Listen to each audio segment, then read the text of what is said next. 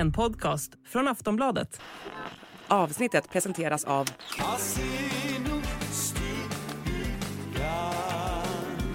Stödlinjen.se, åldersgräns 18 år. Hej och välkomna till Kungligt. Jag heter Sara Eriksson. Jag heter Jenny Alexandersson. Shaman Derek Verrett har gjort det igen. Nu vill han att folk ska ladda sitt dricksvatten med positiv energi innan de dricker det. Men han har ju såklart en baktanke med det här och det ska vi prata om. Och så pratar vi också om Megans halvsyster Samantha Markle som kräver att Harry ska vittna i en rättegång som handlar om förtal.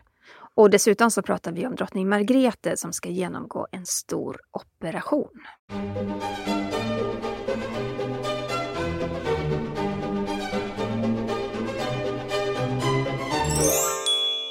Men först Jenny så måste vi börja med att prata om att det idag ja, men då inleds ju faktiskt kungens tronjubileumsår kan man säga. Eh, kungaparet besöker ju Nyköping och det är det första av de här då 21 länen som kungaparet kommer att besöka under året. Man kan ju säga att det är lite som en Eriksgata, att mm. kungen reser genom landet. Han är ju noga med det, där jubileet ska firas av hela Sverige. Det ska inte vara koncentrerat till bara Stockholm. Programmet är späckat och det ser ut så här. Klockan 10 idag så ankommer de till Nyköpings tågstation. Sen besöker de Sörmlands museum. Och så promenerar de sen från museet till Nyköpings hus.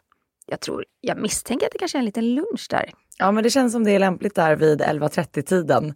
Eh, och därefter så kommer de att promenera över Stadsbron till Stora torget där det då kommer att bjudas på underhållning med musik och tal. Så att jag tänker det är härligt nu att eh, vi har pratat så mycket om kungapar som kommer genomföra de här resorna och det ska ju bli väldigt kul att få följa dem under året. Och idag är alltså då startskottet för ja, de här resorna. Det blir roligt. Mm. Det blir folkfest. Det blir folkfest i hela Sverige. Men vi ska kasta oss direkt in i veckans Harry och Meghan.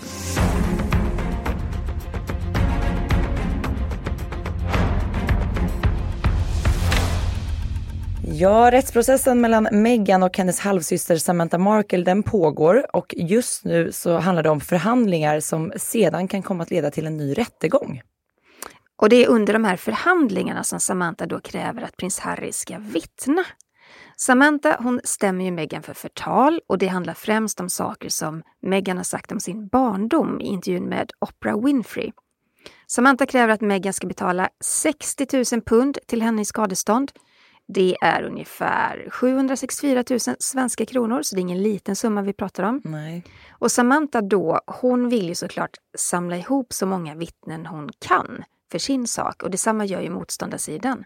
Så Samantha vill att Harry ska vittna under ed, men han kan få göra det digitalt, står det i de här dokumenten som hon har lämnat in. Och så vill hon även då att Meghan ska vittna i rätten digitalt dagen före Harrys vittnesmål.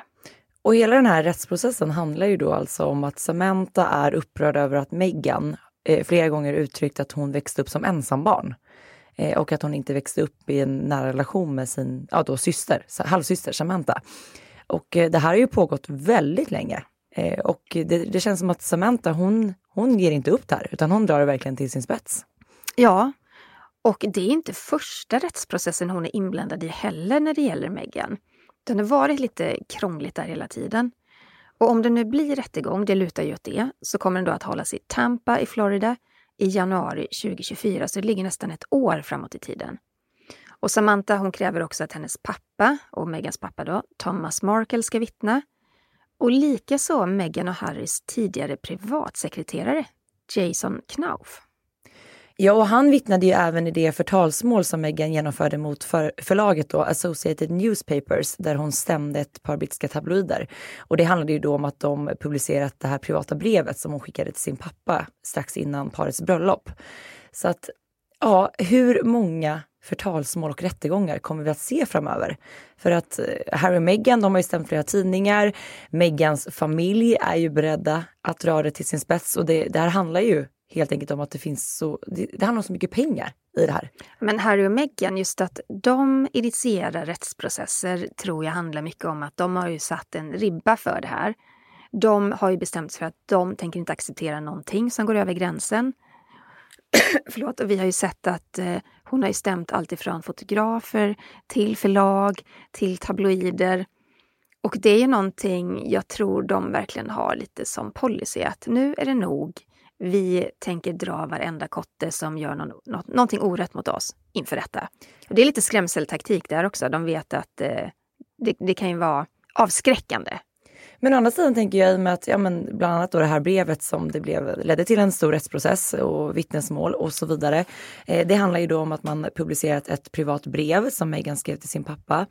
Men eh, jag menar prins Harry nu i sin bok skriver ju också ut till och med liksom så här textmeddelanden som skickats mellan familjemedlemmar och man pratar ju väldigt mycket i media och eh, liksom källor nära kungafamiljen i att så här, hur kan man lita på paret med tanke på att de har valt att publicera ja, men, privata meddelanden eller konversationer. Så att de gör ju egentligen lite samma sak De gör samma också. sak. Och det är där den stora kritiken mot honom och boken har kommit och även mot hans intervjuer och sådär.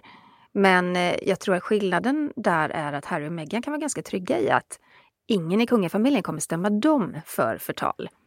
Så de vet ju också att eh, de kan återge sms, de kan återge brev eller vad de än önskar skriva om utan att det blir en rättsprocess av det.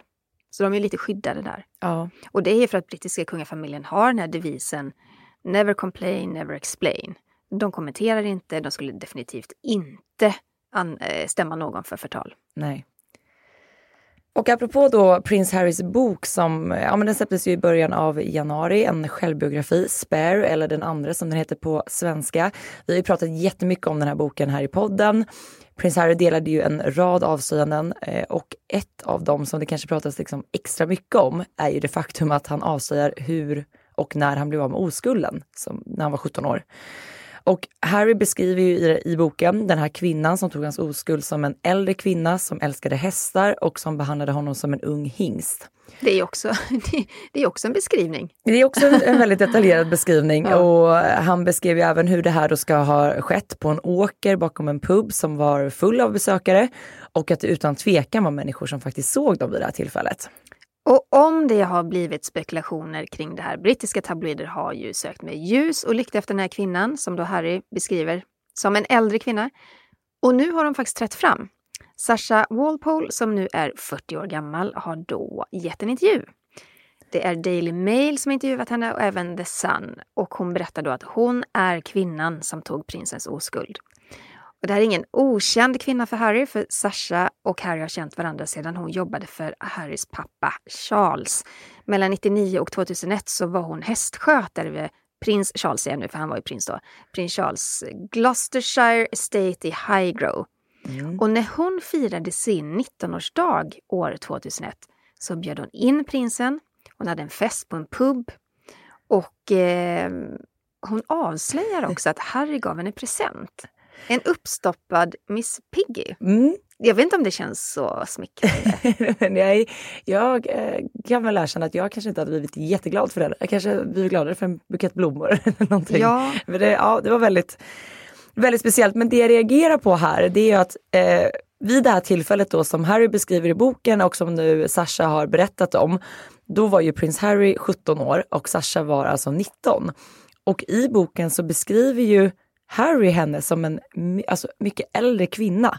Två år. Två år äldre, alltså hon var 19, han var 17, båda två var tonåringar.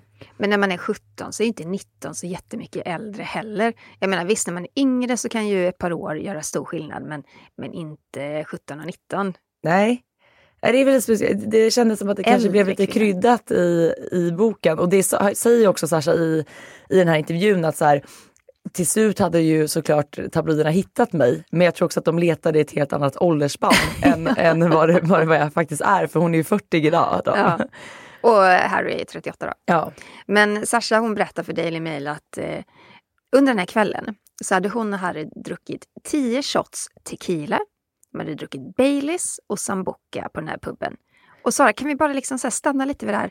10 shots tequila. Vet du jag hade legat på golvet om jag hade ja, druckit 10 shots tequila. Ja, och Baileys och sambuca. Nej, där, då hade man inte stått, stått upp eh, länge till, det tror jag inte. Eh, det är ju ganska massivt. Det är väldigt många. Eh, och därefter då, efter den, de här 10 shotsen så ska då Harry ha frågat henne om de skulle gå ut och ta en cigarett tillsammans.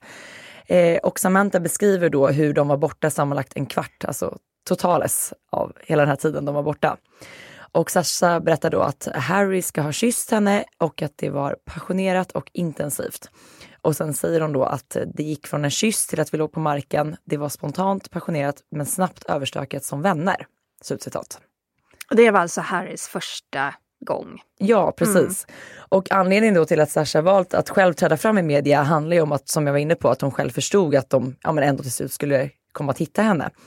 Och hon berättar att hon fått liksom, meddelanden från vänner som då har, har läst boken eller hört om den här boken, som också var med på samma fest och som visste att Harry då, ja men avslöjandet handlade om henne.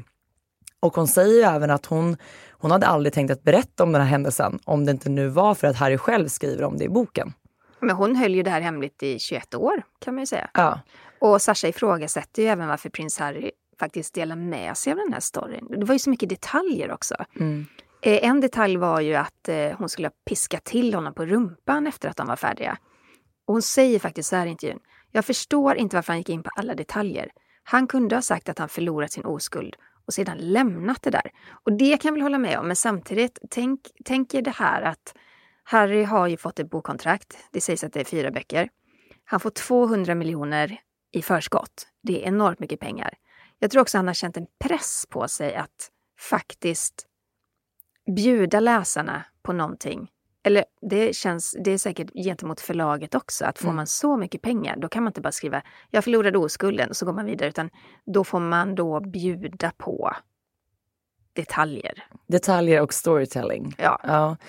Nej, men det här är ju första gången som vi får höra hur en kunglighet blivit av med oskulden. Och hela den här situationen i att Harry själv avslöjar så många detaljer och att hon känner att hon behöver träda fram, vilket bidrar till ännu fler detaljer om den här kvällen. Alltså det, det är klart att det här påverkar bilden av prins Harry på något sätt. Alltså när vi får ta del av, av alla de här in, intima detaljerna. Ja, men jag tycker att hela, hela boken har liksom skapat en bild av Harry som... Alltså vi har ju aldrig haft en kunglighet som är så generös med detaljer kring uppväxt, privatliv. Det värsta är väl att han är generös med detaljer om andra i hans närhets privatliv också. Men, eh, men det är klart att det skapar en bild av honom och, och det är väl det, är det här dilemmat som kungligheter hela tiden får slåss emot. Att alla kungligheter idag, moderna kungligheter, är mycket medvetna om den här upphöjdheten de måste ha. Det här lite magiska skimret de måste ha för att folk ska kunna acceptera dem. Om de blir för vanliga, om de gör som Harry och berättar och vräker ut allt om sitt privatliv så det finns ingenting kvar att ens ha tankar kring. Då finns det också en risk att man förlorar den här upphöjdheten och förlorar den här respekten som folk på något vis ändå har kring mm. kungligheter. Jo, även, i, även om det är så att Harry och Meghan har ju valt att lämna det kungliga huset. Men man får inte heller glömma bort att Harry är ju fortsatt en del av den brittiska tronföljden. Alltså, skulle någonting väldigt hemskt inträffa som gör att då eh, hans pappa kung Charles eller hans bror prins William inte kan ta över eller fortsätta sitt arbete, då är ju han näst på tur. Ja, ja vi har ju Williams barn först ja, också. Jo. Men, men det är klart, skulle något hända hela den, eh, den liksom tronföljarfamiljen, absolut. Eh, han står ändå så pass långt från tronen. Jag tror att han känner sig rätt trygg i det. Och mm. som du säger, han har ju tagit steget. Han, vill, han har ju sagt i en intervju att han kan inte tänka sig att komma tillbaka och utföra det här arbetet. Men, eh, men det är klart, ja, det är ju... Han matar ju också tabloiderna med saker som tabloiderna älskar att skriva om. Och han har ju varit så arg över de brittiska tabloiderna att de har rotat i hans privatliv. Nu vräker han ur sig allt, allt, allt, allt. Mm. Och det kommer ju skapa rubriker lång tid framöver, så är det ju. Och jag tänker också lite där, nu har eh, den här kvinnan då Sasha valt att träda fram. Det finns ju fler avslöjanden och situationer som beskrivs i boken. Jag tänker att det här kanske bara är en av väldigt många vi kommer se som oh, ja. går ut och berättar om, om hur det då enligt deras bild faktiskt var den, i den situationen eller den kvällen. Så att jag tror vi kommer få se mer av det här. Men på tal om då liksom bilden av Harry och Meghan. Eh, tidningen Mirror de hade en stor omröstning igår om Harry och Meghan och då frågade de läsarna om de tycker att Harry och Meghan ska bli av med sina sista kungliga titlar, som de här hertigtitlarna. Det ena svarsalternativet var ja, de har slutat vara arbetande kungligheter. Det andra alternativet var nej, de är fortfarande en del av kungafamiljen. Och Det här var ganska signifikant tycker jag, för att 95 procent tycker att de ska bli av med sina titlar. Mm. Och nu redovisas det ju inte exakt hur många som varit med och röstat, men Mirror det är en stor tidning i Storbritannien. Så vi kan gissa att på något vis kan det här ge en fingervisning om hur britterna ser på Harry och Meghan. Mm. Ja, och en, en, annan del som det pratas väldigt mycket om nu, det är ju ifall att Harry och Meghan faktiskt kommer att närvara vid kung Charles kröning. För att det närmar sig ju nu. Eh, den 6 maj så kommer eh, kung Charles att krönas i Westminster Abbey. Och samtidigt så kröns ju också då Camilla till drottning. Och det här är ju en ceremoni som är liksom omgärdad av många och väldigt gamla traditioner. Men det kommer ju också att genomföras en hel del förändringar. Det är ju 70 år, mer än 70 år sedan eh, drottning Elizabeth kröntes. Så att, eh, det är väl kanske på tiden att modernisera det något också. Mm. Kung Charles han vill inte ha en flera timmar lång kröning. Den kommer alltså bli kortare och med färre gäster i kyrkan. 8000 personer var bjudna till drottning Elisabeths kröning. Den ceremonin varade i nästan fyra timmar. Ja. Men Charles han vill då halvera antalet gäster och ha max en timmes ceremoni. Det känns ju ganska modernt ändå. Ja, men det tycker jag. Och tv-mässigt ja. känns det ju. Och istället för de här traditionella mantlarna då så sägs klädkoden bli mindre formell. Och kung Charles har eh, förslagit jackett eller frack till gästerna eller paraduniform. Jag tror och, ju att Charles kommer ju ha uniform. Ja, och jag tänker också, jag menar 70, över 70 år har gått. Det känns ju inte helt korrekt att gå omkring i såna här hermelinmantlar idag. Så att det, det tycker jag absolut är ett steg i rätt riktning. Mm. Sen ska man också modernisera språkbruket så att alla tv-tittare kan förstå och hänga med. Det låter också väldigt bra. Mm. Och den här gamla traditionen att Lord Great Chamberlain presenterar en guldtacka för regenten och sedan placerar guldet på altaret. Det kommer också att tas bort. Och det här tror man då kan vara provocerande. Storbritannien, liksom många andra länder, går igenom en ekonomisk kris. Det känns ju lite konstigt att dra fram guld mm. i Westminster Abbey och liksom hålla upp. Och, nej, nej, det är nog smart. Så den väljer man att, att ta bort helt enkelt.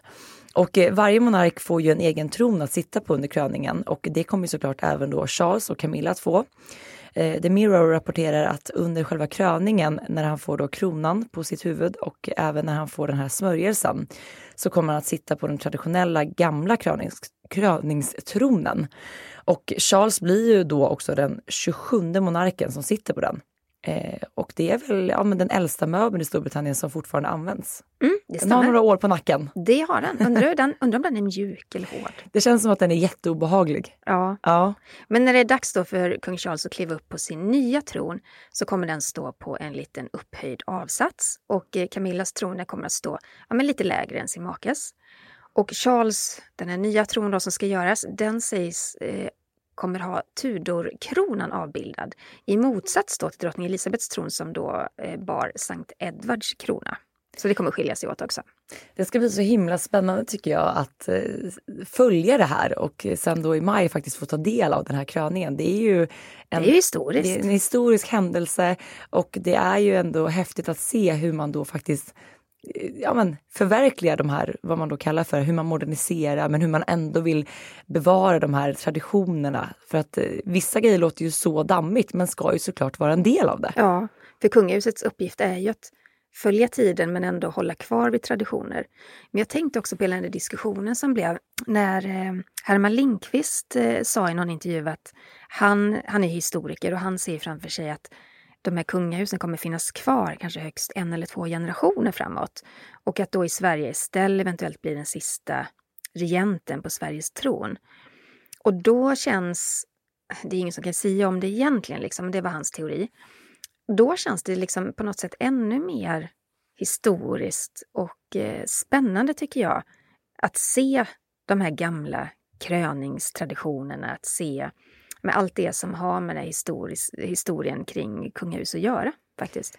Ja men det är intressant och det där är ju en fråga som lyfts allt oftare tycker jag. Just det här när man, ja men det har ju mycket att göra med dels hur man ser att kungligheter längre bak i tronföljden, att grenar kapas, hur de ska skapa liksom sina, sina mer privata liv. Man ser nu den här stora händelsen i London, hur moderniserar man den för att fortsatt då vara relevanta? Alltså det är ett väldigt spännande skifte och liksom lite ny historia som skrivs på så sätt. Ehm, jag gästade en podcast som heter Nyfiken. Det är ett UF-företag. Eh, Malte Andersson heter han som driver den.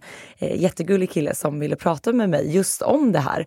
Och man märker ju hur, ja, men hur intresset verkligen är stort oavsett om man är intresserad bara av det kungliga eller inte. Men just det här, hur ser framtiden ut för Mm. monarkin? Det är spännande. Mm.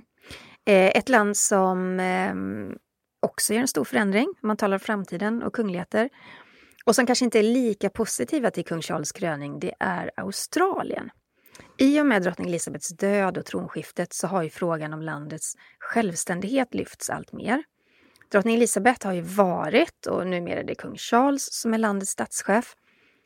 Och fram tills nu så har den mest förekomna sedeln i Australien, 5 prytts av drottning Elizabeth. Men vice finansminister Andrew Lay uttalade sig gällande sedelns framtid vid Royal Australian Mint och han sa då att det är inte självklart att kung Charles ska pryda de nya sedlarna som trycks. Nej, och nu har faktiskt Australiens centralbank meddelat att den här nya 5 sedeln kommer att ha ett motiv eh, för att hedra landets ursprungsbefolkning. Dock kommer då de här sedlarna med drottning Elizabeth att fortsatt vara giltiga och det kommer att dröja några år innan de här nya sedlarna sätts i bruk. Det att låter väl sunt, Ja. tycker jag. jag tycker också det. Jag menar, eh, aboriginerna har ju verkligen behandlats fruktansvärt eh, genom åren. Ja, absolut, sätt dem på en sedel. Det tycker jag verkligen. Man behöver lyfta den där frågan mycket, mycket mer. Och sen är det väl också så att om Australien inom en snar framtid inte vill ha kung Charles som statschef, då är det väl smart att inte trycka honom på sedlar som kommer finnas kvar i omlopp i, i årtionden. Nej men precis. Och om man tittar här i Sverige så har vi ju faktiskt, eh, ja men det är väl sedan 2013 inte längre någon kunglighet som pryder sedlarna. Eh, vår kung är ju fortsatt med på 10-kronan, en, enkronan och tvåkronan. Gud vad man aldrig ser kontanter nästan längre. Jag Nej. nästan tänka till hur de ser ut idag. Men du, vilken skillnad det är för, för bara ja, men 10-15 år sedan. Ja, verkligen. Mm. Nej men så att i Sverige har man ju också gjort så, att man inte längre har någon kunglighet på sedlarna. Mm. För fram till 2013 så pryddes ju 500-kronan av kung Karl den XI. Och det, det sägs att det berodde på att han var en kung som var bra på att dra in pengar till statskassan. Om Ja. det stämmer eller inte, det vet vi inte. Det vet inte. Men det är ganska, det var kul. Ja, och tusen, tusen kronors sedeln, eh, det var ju Gustav Vasa som prydde den fram till det, här skiftet skedde. Så Jag att- tänker på det här med, med, det är också en viktig fråga det här med kontantlöst samhälle eller inte. Eh, Jag har en liten son som är åtta år gammal. När man ger honom veckopeng, då sätter man in det på ett eh, bankkort. Alltså han, Ah. ser, han ser ju aldrig kontanter. Nej, Men det gjorde ju vi när vi var små på ett helt Ja. annat sätt. Alltså då fick man varje, jag, fick, jag tror det var varje lördag fick jag en 20. Ja, köpa Eh, godis för. Ja, så sparade man dem till och med en liten spargris. Det kan liksom Ja. inte din son relatera till, att man hade en spargris med han pengar i. fattar inte vad, vad det är. Nej. Nej.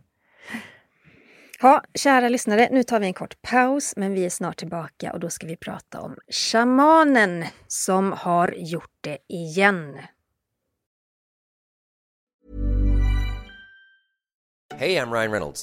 På Mint Mobile, we like to do the opposite of what Big Wireless does. They charge you a lot, we charge you a little. So naturally, when they announced they'd be raising their prices due to inflation, we decided to deflate our prices due to not hating you. That's right. We're cutting the price of Mint Unlimited from $30 a month to just $15 a month. Give it a try at mintmobile.com slash switch. $45 upfront for three months plus taxes and fees. Promo rate for new customers for limited time. Unlimited more than 40 gigabytes per month. Slows. Full terms at mintmobile.com. Nu är vi tillbaka och vi ska prata om prinsessan Märta Louise fästman, shamanen Derek Verrett. Han har återigen hamnat i blåsväder. Han hävdar nämligen att en medaljong kan ladda ett glas med vatten med positiv energi. Och shamanen påstår då att det här laddade vattnet, det är bra för kroppen. Ja, och då är det ju som så att man ska använda ett vattenglas som då man placerar på en cirkelrund medaljong som är då placerad på bordet. Och den här medaljongen kallar Derek Verrett för Spirit Optimizer, eller SO som man förkortar det till. Och den här medaljongen säljer ju shamanen på sin hemsida för eh, 222 dollar. Det är ungefär 2355 svenska kronor. Och eh, sen ska man då högt be den här medaljongen att superladda vattnet. Ja, men vi lyssnar på hur det kan låta då när man laddar sitt vatten. Och det vi hör det är shamanen som visar hur det går till. Och det är från en video från hans Instagramkonto. So the way that you charge your water using your SO is very simple. First, you want to have a glass and you want to make sure your glass is not plastic. You want it to be a glass. You want to take your SO and you want to stick it down on the table and stick your glass on top of your SO. Once you've done that, you want to say, SO, supercharge my water now. Or you can say, SO, make my water lighter and easier to absorb into my body. Or SO, bring powerful positivity into my water so that when I drink it, I feel good in my body. Then what you want to do is just give it a little moment. And then your water is wonderful. Shamanen menar alltså att man ska säga SO superladda mitt vatten nu eller så kan man säga SO gör mitt vatten lättare för kroppen att absorbera. Eller så säger man SO skapar kraftfull positivitet i mitt vatten så när jag dricker det mår jag bra eh, i min kropp.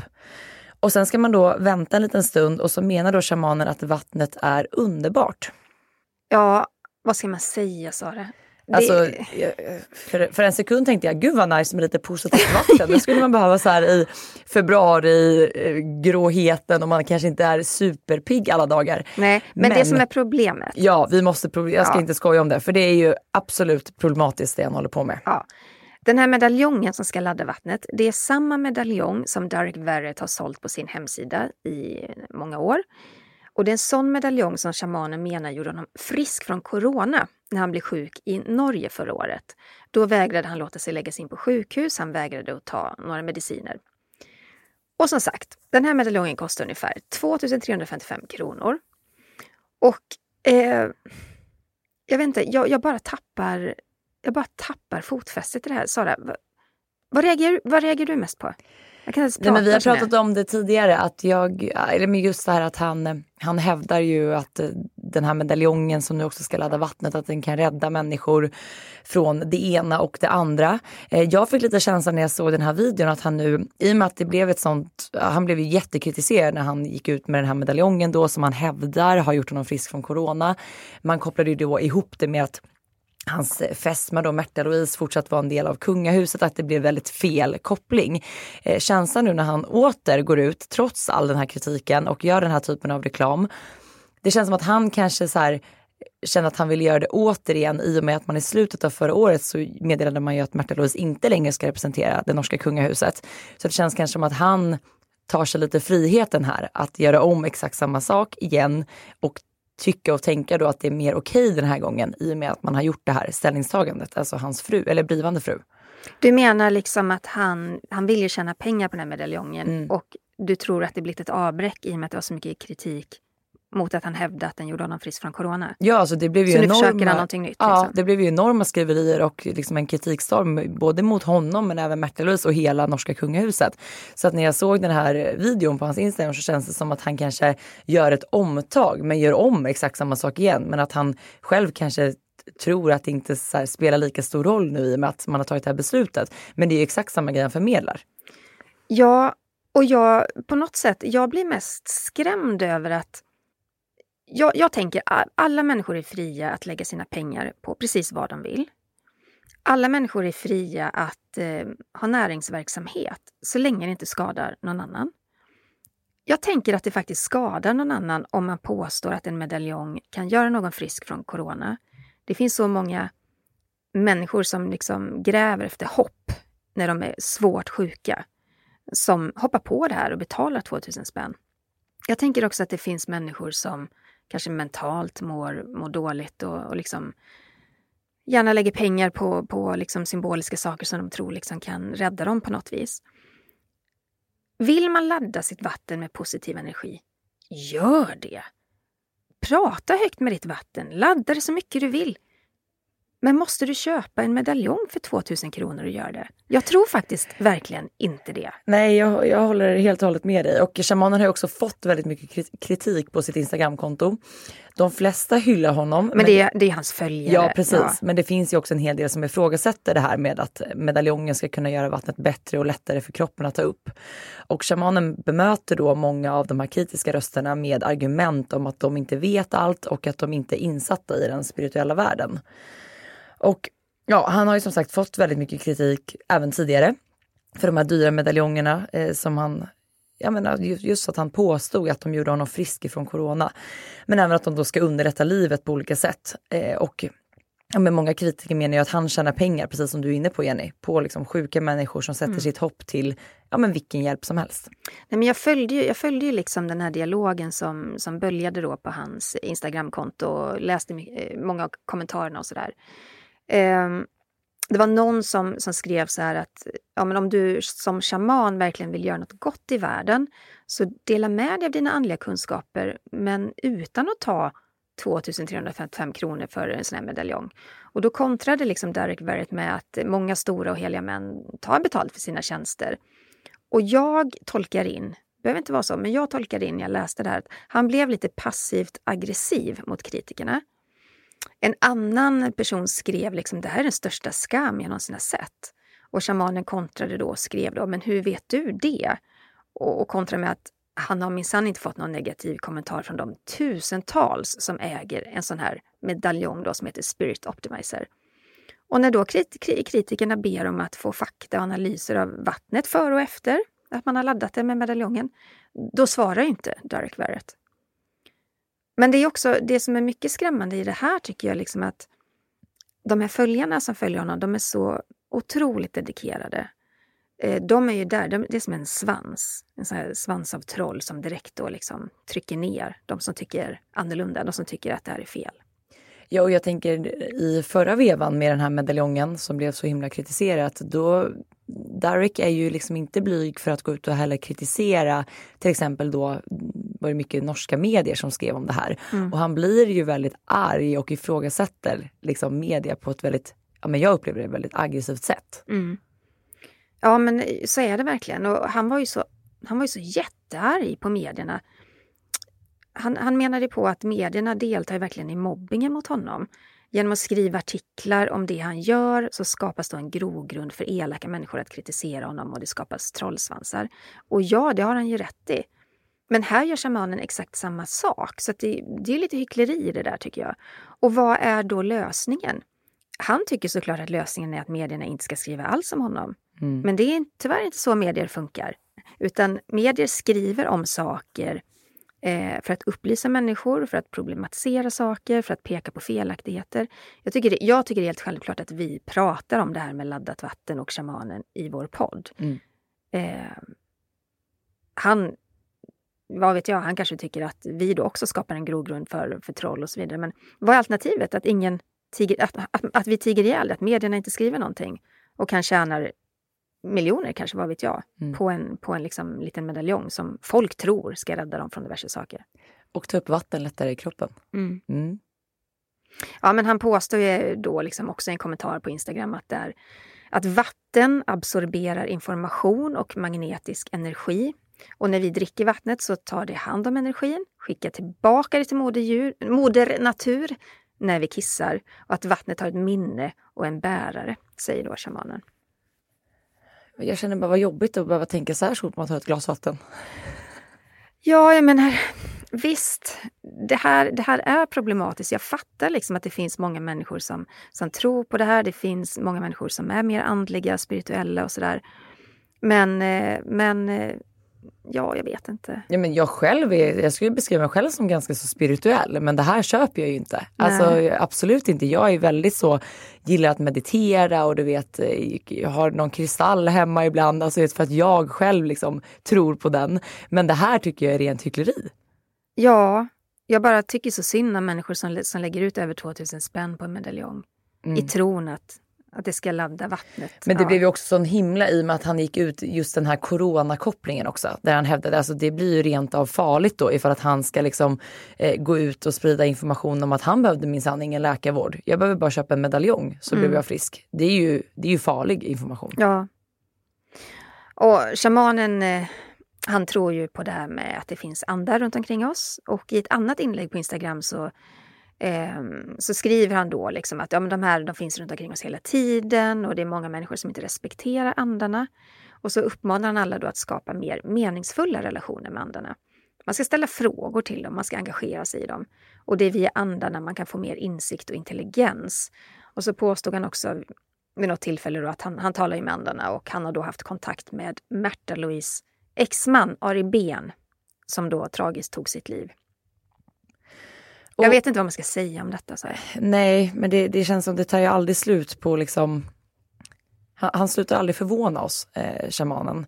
Eh, och just det här med att eh, prata med andar och vara i kontakt med den världen. Det har ju faktiskt även prinsessa Märta-Louise varit inne på i alla år. Eh, men för henne handlar det ju mer om änglar. Hon startade ju en änglaskola där då kursdeltagare bland annat fick lära sig att tala med, med änglar då. Det var en ganska dyr skola ska jag tala om. Det var en ganska så dyr skola som också blev eh, väldigt ifrågasatt. Men den lades ju också senare ner. Eh, den änglaskolan. Mm. Man fick ju lära sig tala med änglar bland annat. Den var ganska dyr kan man tillägga. Eh, och jag menar, det råder inte heller någon tvekan om att eh, shaman Derek tjänar mycket pengar. Eh, norska Se och Hör de avslöjade häromdagen att eh, han har ju hyrt ett hus i Beverly Hills i Los Angeles där han bor. Och de har också avslöjat då hyran för det här huset. 300 000 kronor i månaden har han betalat i månaden eh, för att bo där.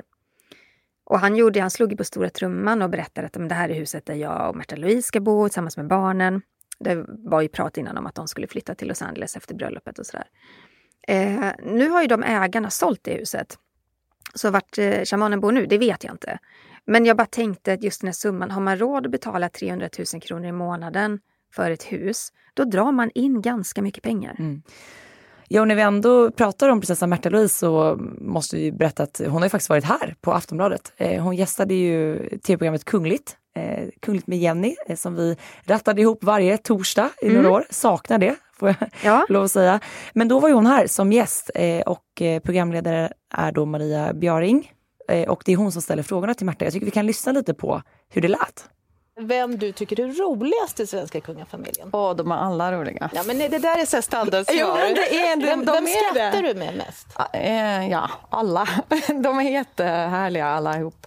Finns det, någon, finns det någon som du skulle fråga om, rå, om råd ifrån? Har vi också fått en fråga. Ja, jag är nog närast Victoria och Daniel. Så. Sett. Så att eh, Victoria skulle ringa. Och, Ja. och så har vi fått en fråga när du kommer till Stockholm. Bor du på så här fint flashigt hotell? Vi kanske inte ska nämna något. Men, eller, eller ringer du till Victoria och säger nu ska jag komma till Stockholm, kan jag bo hos dig? Ja, båda och. De har ju lite plats. Ja, det är inte så, de, har inte, de har inte brist på rum. Det kan hända att det finns ett rum någonstans. Men jag förstår att du kanske inte kan svara på precis var du bor, men skulle, händer det att du ringer och säger nu? Ska Ja. ja okej. Jag tycker hon pratar väldigt så tydlig norska. Visst gör hon det? Ja, det det gör är nästan hon. lite svensk-norska. Det gör Man ju verkligen. Men det var också tydligt för henne vilka frågor hon inte helst ville svara på när hon, när hon var här. Ja, hon Mm. vill inte vara privat. Nej. Men Victoria och Daniel de umgås ju privat med Märta-Louise. Men eh, de umgås också med Håkon och Mette-Marit. De har ju varit på Gotland tillsammans och semestrat. Vi vet ju inte om Victoria och Daniel har träffat shamanen Derek Verrett ännu. Men jag menar, paret är ju förlovade. De ska gifta sig. Vid ett bröllop så kommer ju garanterat Victoria och Daniel vara med. Vi, vi har inte fått något datum på detta ännu, eh, så vi vet ju inte när det blir bröllop. Men Nej. eh, det ska bli väldigt spännande. Och Märta-Louise, hon ska ju faktiskt vara med den 12 februari i SVTs program Min sanning med Anna Hedenmo. Det tänker jag se faktiskt. Ja, men det ska bli eh, ja, spännande. Det är ju, jag gillar ju det formatet, tv-program. Det är ju Mm. väldigt, man, det känns som hon kommer väldigt så in på djupet, lyckas med det. Så det ska bli spännande att se vad Märta Louise har att berätta. Vi tar oss till Danmark. Eh, drottning Margrethe har fått ställa in eh, uppdrag. Hon fyller ju 83 år i april. Hon är ju väldigt aktiv som monark och genomför många uppdrag. Det är inte tal om pension där inte. Nej, Men i fredags så meddelade danska hovet att drottningen tvingas ställa in helgens uppdrag på grund av smärtor i ryggen och det oroar ju många.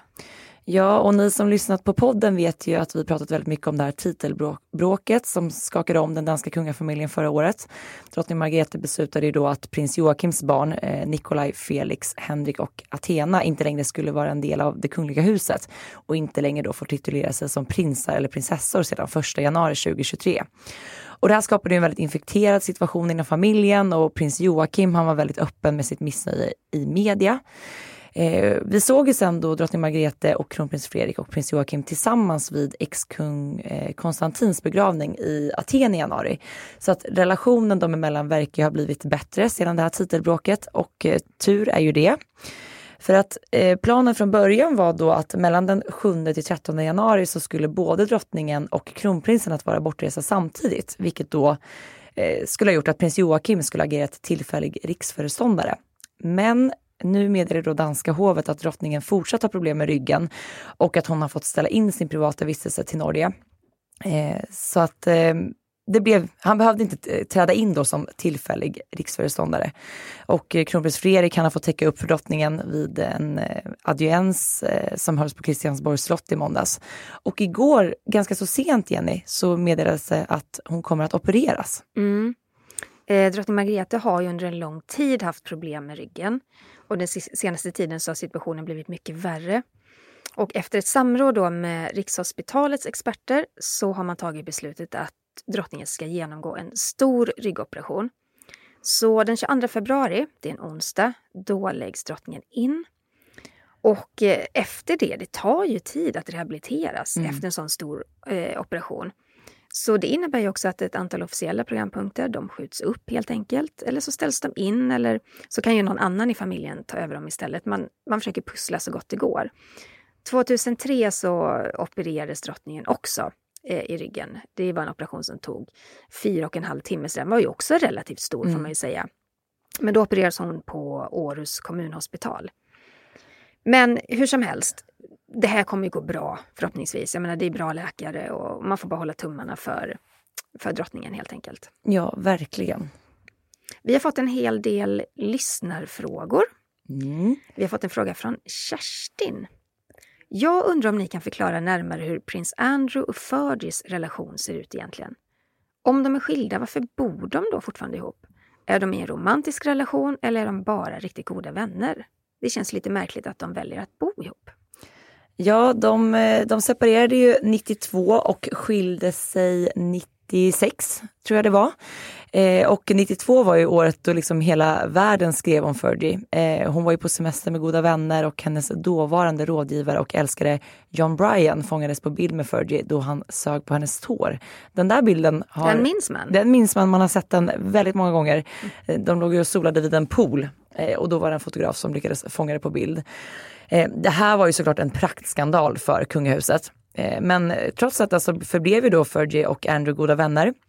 Och faktum är ju att de faktiskt bor tillsammans och har gjort det en, ja, men en längre tid. Och eh, Fergie säger ju själv att hon, ja, men, att de är det här lyckligt skilda paret. alltså att de inte, de verkar ha en väldigt god relation. Ja, hon har också sagt att vi skilde oss med varandra, inte från varandra. Nej. Mm. Hon har ju verkligen stått på prins Andrews sida i alla dessa år när det varit skandaler. Mm. Så hon är väldigt lojal mot honom. Ja, och nu, vi pratat mycket om det här i podden, att ja, men nu till exempel i år, eller när, när då kung Charles hostade den första julen, att han nu har mer välkomnat in henne i den kungliga värmen igen. Så det verkar även som att hon är kanske nu lite mer en del av familjen igen än vad hon har varit under många år.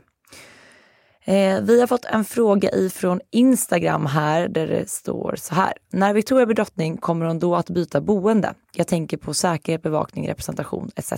Tack på förhand för information om detta. Eh, vi kan säga så här, vad gäller säkerhet så spelar det nog ingen större roll mellan Haga och Drottningholm. Eh, säkerheten vid Haga slott är enormt stor. Eh, det är den vid Drottningholm också. Så att, eh, hon behöver inte byta boende just på grund av säkerheten. Men det är klart att när man blir då statschef så, så innebär det ju mer representation. Det finns, en representations, det finns representationsrum på Haga slott också. Men det är klart att det, det är lättare på Drottningholm. Eh, sen har de ju alltid Kungliga slottet där den största delen av representationen sker. Jag tror att det är en fråga som kronprinsessan verkligen kommer tänka noga på. Den känslomässiga kopplingen exempel vad gäller barnen och sådär, ja den finns i Baga slott. Men jag menar, kronprinsessan Victoria är uppvuxen på Drottningholm. För Mm. henne är det lika mycket hemma so- som Haga. Så där tror jag nog att det val hon gör där kommer baseras på mycket på den jobbroll hon får Mm. och vad som blir mest praktiskt. Men även med hänsyn till barnen. Barnen känner ju till Drottningholm mycket väl också så att det skulle inte vara någon så drastisk flytt för dem. Men, eh, ja, men väldigt, väldigt bra fråga. Mm. Det ska bli spännande att se den dag eh, det, det sker. Liksom. Vi har fått en fråga från en av våra lyssnare. Hej och tack för en trevlig podd. Prinsessan Kate börjar omnämnas oftare och oftare med sitt hela namn Catherine efter att hon blev prinsessa Wales. Varför? Och varför skriver man Kate med K men Catherine med C? Det är ju faktiskt en väldigt intressant eh, fråga. Eh, Kate är ju hennes smeknamn eh, och det har nog bara blivit så att det är med K eftersom att det är många som stavar Kate så i Storbritannien. Men nu är hon ju prinsessa av Wales och faktiskt liksom närmar sig rollen som drottning. Så att ja men kanske känns mer naturligt att man numera använder hennes riktiga och faktiska namn. Mm. Vi har fått en fråga ifrån Desiree som skriver så här. Hej, tack för en superbra podd. Tack Desiree. Tack, tack. Kan Aftonbladets kungliga poddare svara på om prinsessa Madeleines tre barn talar svenska och om de gör det på modersmålsnivå? Ja, Madeleine pratar ju svenska med sina barn. Chris eh, talar engelska. Men sen pratar ju Madeleine och Chris engelska dem emellan. Så det är klart att det överväger det engelska helt enkelt. Barnen förstår svenska bra. Men av naturliga skäl så flyter det ju inte lika bra som när de talar sitt modersmål, så är det ju. Och vi såg i året med kungafamiljen att prins Nicolas han talade utan problem. Men det flyter inte lika lätt och det är ju med en liten brytning. Mm. Och det tror jag man liksom får ha överseende med. Engelska är ju det de pratar i skolan och mycket hemma och så vidare. Ja. Men å andra sidan, de tillbringar somrarna här. Det är kanske då de liksom mjukar upp svenskan lite grann och får snacka med sina kusiner. Och, Och också när man hör det på ett helt annat sätt Ja. liksom, runt omkring. ja men verkligen. Mm. Vi blir så glada när ni skickar in lyssnarfrågor till oss. Fortsätt gärna att göra det och då mejlar ni till kungligt aftonbladet.se. Och vill ni ha dagliga uppdateringar så kan ni följa oss på sociala medier. Var hittar man dig Jenny? Främst på Instagram, där heter jag Kungligt med Jenny. Och du då? Royalistan.se. Tack snälla för att ni lyssnat på veckans avsnitt av Kungligt. Vi hörs igen nästa vecka. Hej då! Hej då!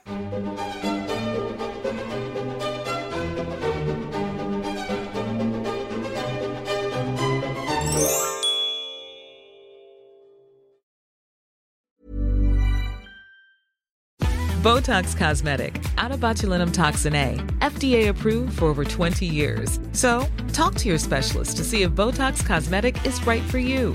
For full prescribing information, including boxed warning, visit BotoxCosmetic.com or call 877-351-0300. Remember to ask for Botox Cosmetic by name. To see for yourself and learn more, visit BotoxCosmetic.com. That's BotoxCosmetic.com. Du har lyssnat på en podcast från Aftonbladet. Ansvarig utgivare är Lena K Samuelsson.